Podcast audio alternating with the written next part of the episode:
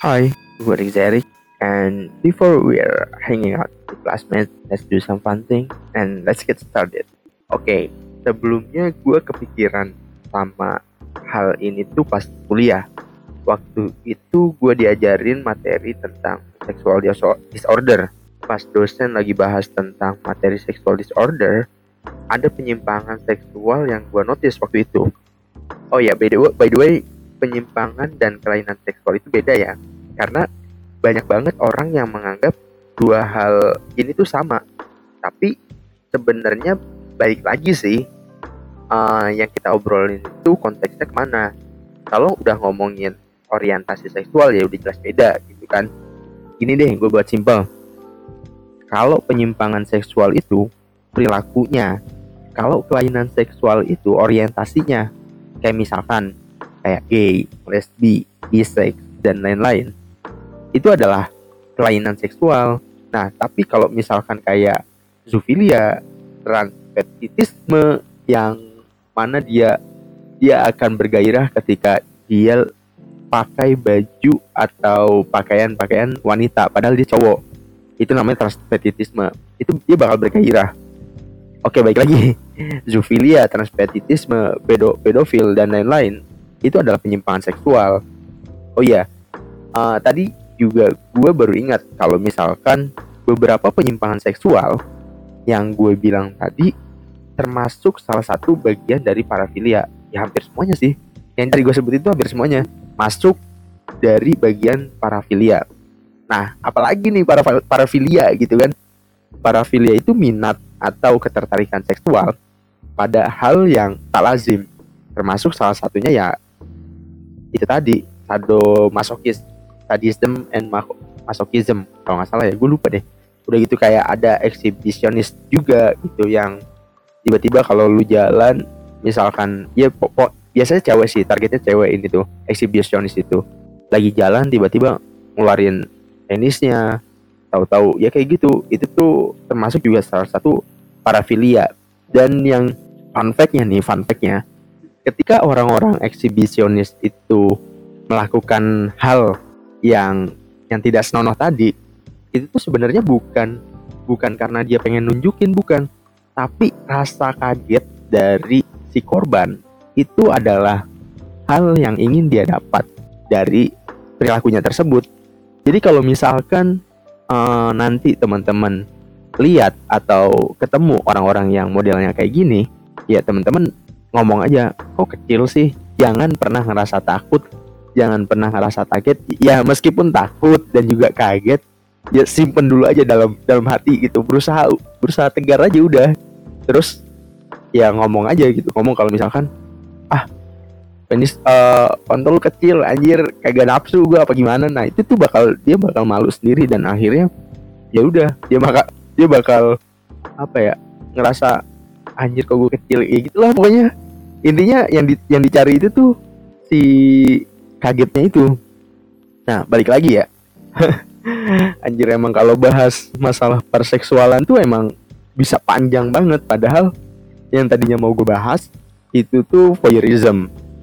Mungkin next time kali ya kita bisa bahas permasalahan seksual secara mendalam. Kali ini gue bakal fokus sama voyeurism. Voyeurism itu kan salah satu bagian dari penyimpangan seksual atau perilaku seks yang menyimpang. Kalau menurut DSM yang mana itu adalah kitabnya praktisi praktisi atau ilmuwan psikologi bilang bahwa the term voyeurism refers to the desire to spy on unsuspecting and non-consenting people during their private activities.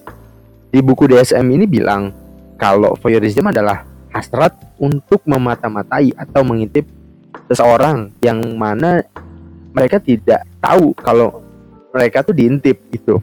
Karena unsuspecting dan non consenting tadi ya tuh ya lagian aneh banget masa iya ada orang yang suka rela atau konsen sama orang yang ngintip gitu kan gak, mungkin juga gitu. Terus yang jadi masalah apa? Gitu kan pertanyaannya. Kenapa gua tiba-tiba bahas voyeurism? Kenapa nggak yang eksibisionis tadi yang lebih menarik mungkin. Ntar dulu. Jadi begini zaman dulu itu kan nggak ada yang namanya sosial media kan. Boro-boro media sosial orang internet aja belum ada. Nah makanya orang-orang yang nggak punya pasangan HS atau having sex uh, dan ya termasuk orang-orang yang gak punya duit buat ngejablay lah kasarnya begitu ya. Itu mereka mencari kepuasan kepuasan lain yaitu dengan cara mengintip orang. Yang kayak misalkan di toilet mereka melucuti pakaiannya satu persatu itu adalah kenikmatan dari seseorang yang mengidap voyeuristic disorder. Ataupun orang-orang yang lagi bersenggama orang-orang yang lagi ya having sex sama pasangannya ketika mereka ngintip itu tuh jadi hal yang nikmat buat si orang yang pengidap voyeuristic disorder ini. Nah beda banget gitu kan. Nah, sampai sini udah udah ngena belum nih? Kalau belum gue lanjut dulu ya.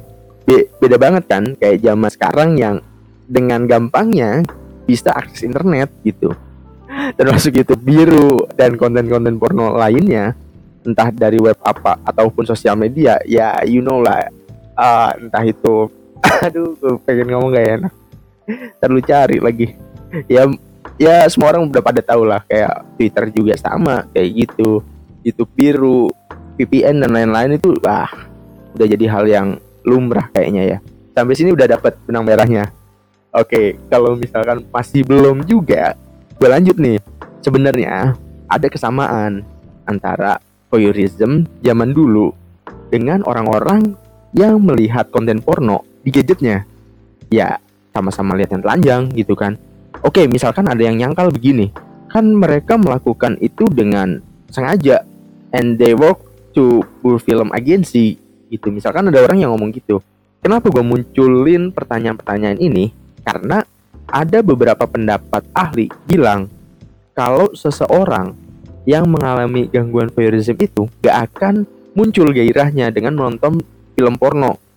Dan di, SD DSM-5 pun menyebutkan uh, non konsen. Kalau mereka sengaja membuat film porno itu tadi berarti konsen dong. Maksudnya uh, tadi kan unsuspecting and consenting gitu. Non unconsenting.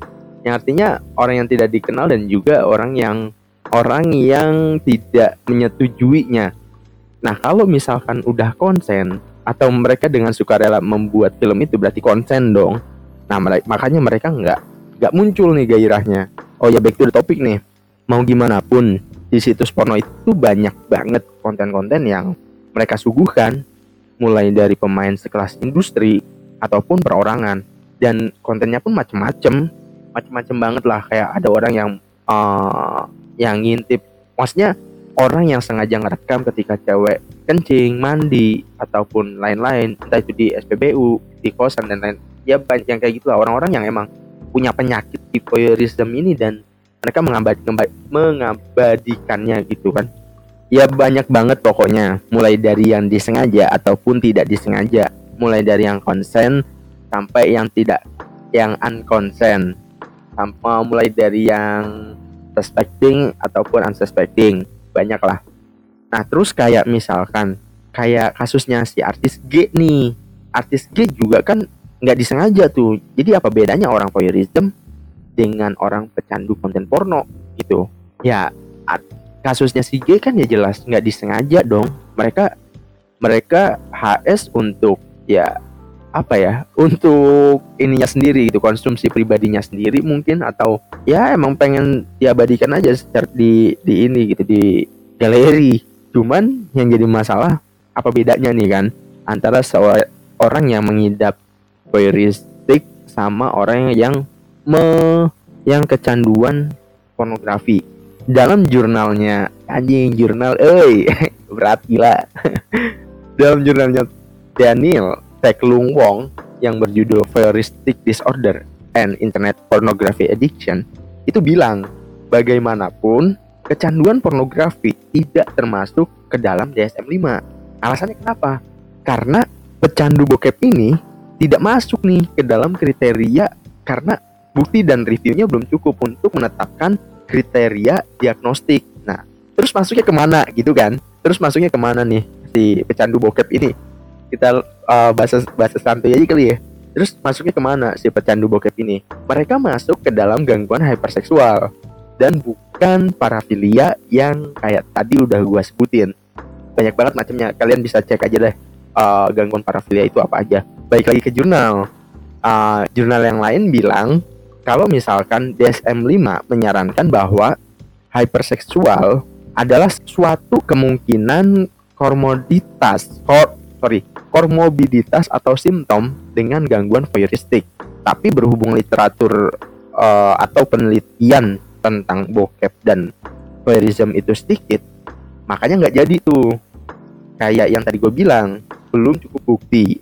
Kalau misalkan udah cukup bukti ya bisa jadi gitu kan. Tapi belum belum. Uh, kita lanjut dulu ya. Gue takut berhenti sampai sini terus lu lu beres nonton uh, dengerin podcastnya lu cabut lu ngasih tahu ke orang lain kalau misalkan begini-begini enggak belum dengerin dulu sampai habis jujur aja ketika gue nyari penelitian tentang voyeurism dan kecanduan pornografi itu nggak banyak dan mungkin ini bisa jadi salah satu insight buat temen-temen yang mau bikin skripsi ataupun yang lagi semester akhir dan bingung mau mau mau bahas tentang apa. Karena ini bahasannya menarik banget cuy sumpah. Terus gimana dong yang tadi masa yang tadi masih gantung nih kan? Uh, oke okay, jadi pada dasarnya parafilia yang gue sebutin tadi yang di dalamnya termasuk voyeurism itu bukan sebuah penyakit kali ya? Ya mungkin. Maksudnya uh, ketertarikan terhadap benda-benda yang tak lazim ketertarikan seksual terhadap hal yang tak lazim itu bukanlah sebuah penyakit pada awalnya.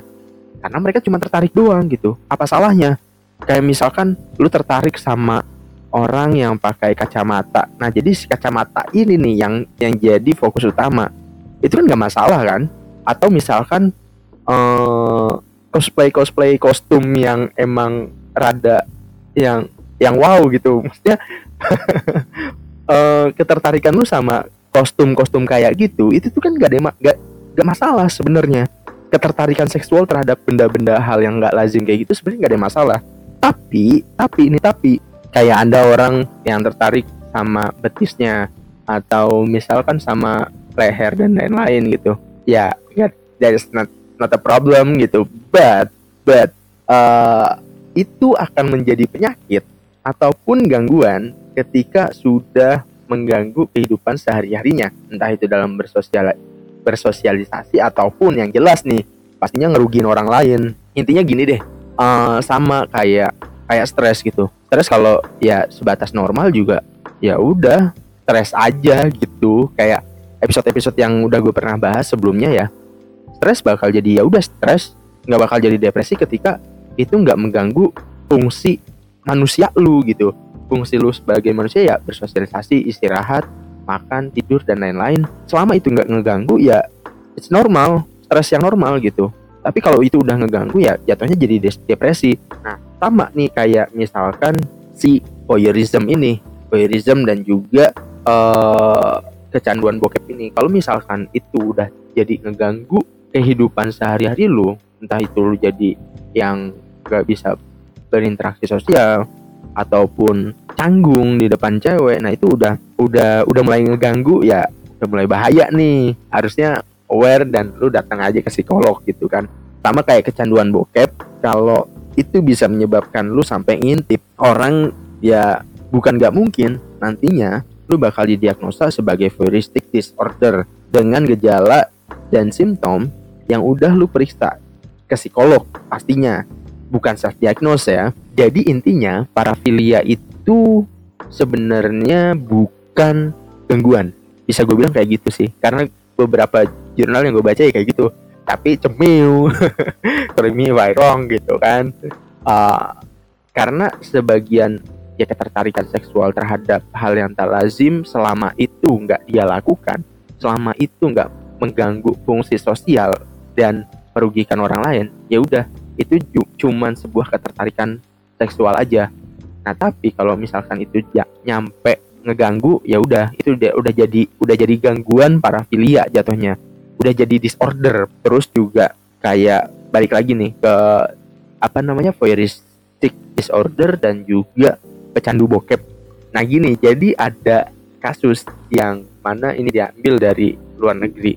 Kasus ini adalah orang yang awalnya kecanduan terhadap bokep kecanduan pada konten-konten pornografi dan setelah itu setelah dia ini karena jurnalnya bahasa Inggris jadi ya apa namanya gue nggak bisa ceritain secara detail gitu ya. Gue cuman narik kesimpulannya aja. Jadi dia kebetulan si orang ini masih sekolah. Entah entah sekolah entah kuliah gue lupa. Intinya uh, dia masih ada di bangku pendidikan. Kemudian pas jam istirahat dia bete ceritanya. Akhirnya dia ke toilet cewek sampai uh, ya ngintip itu tadi.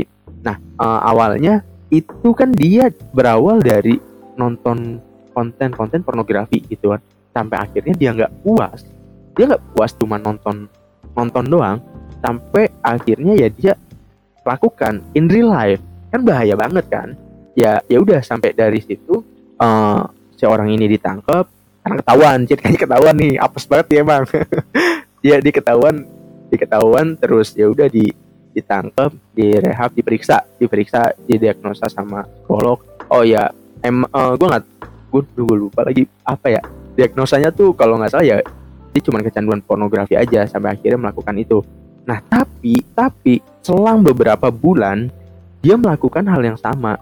Dia melakukan hal yang sama karena ya gabut kali ya. Gue nggak ngerti dah gue nggak ngerti orang-orang kayak gini. Ya mungkin uh, dia mencapai klimaksnya dengan cara itu ya akhirnya dia lakukan dilakukan lagi sama dia.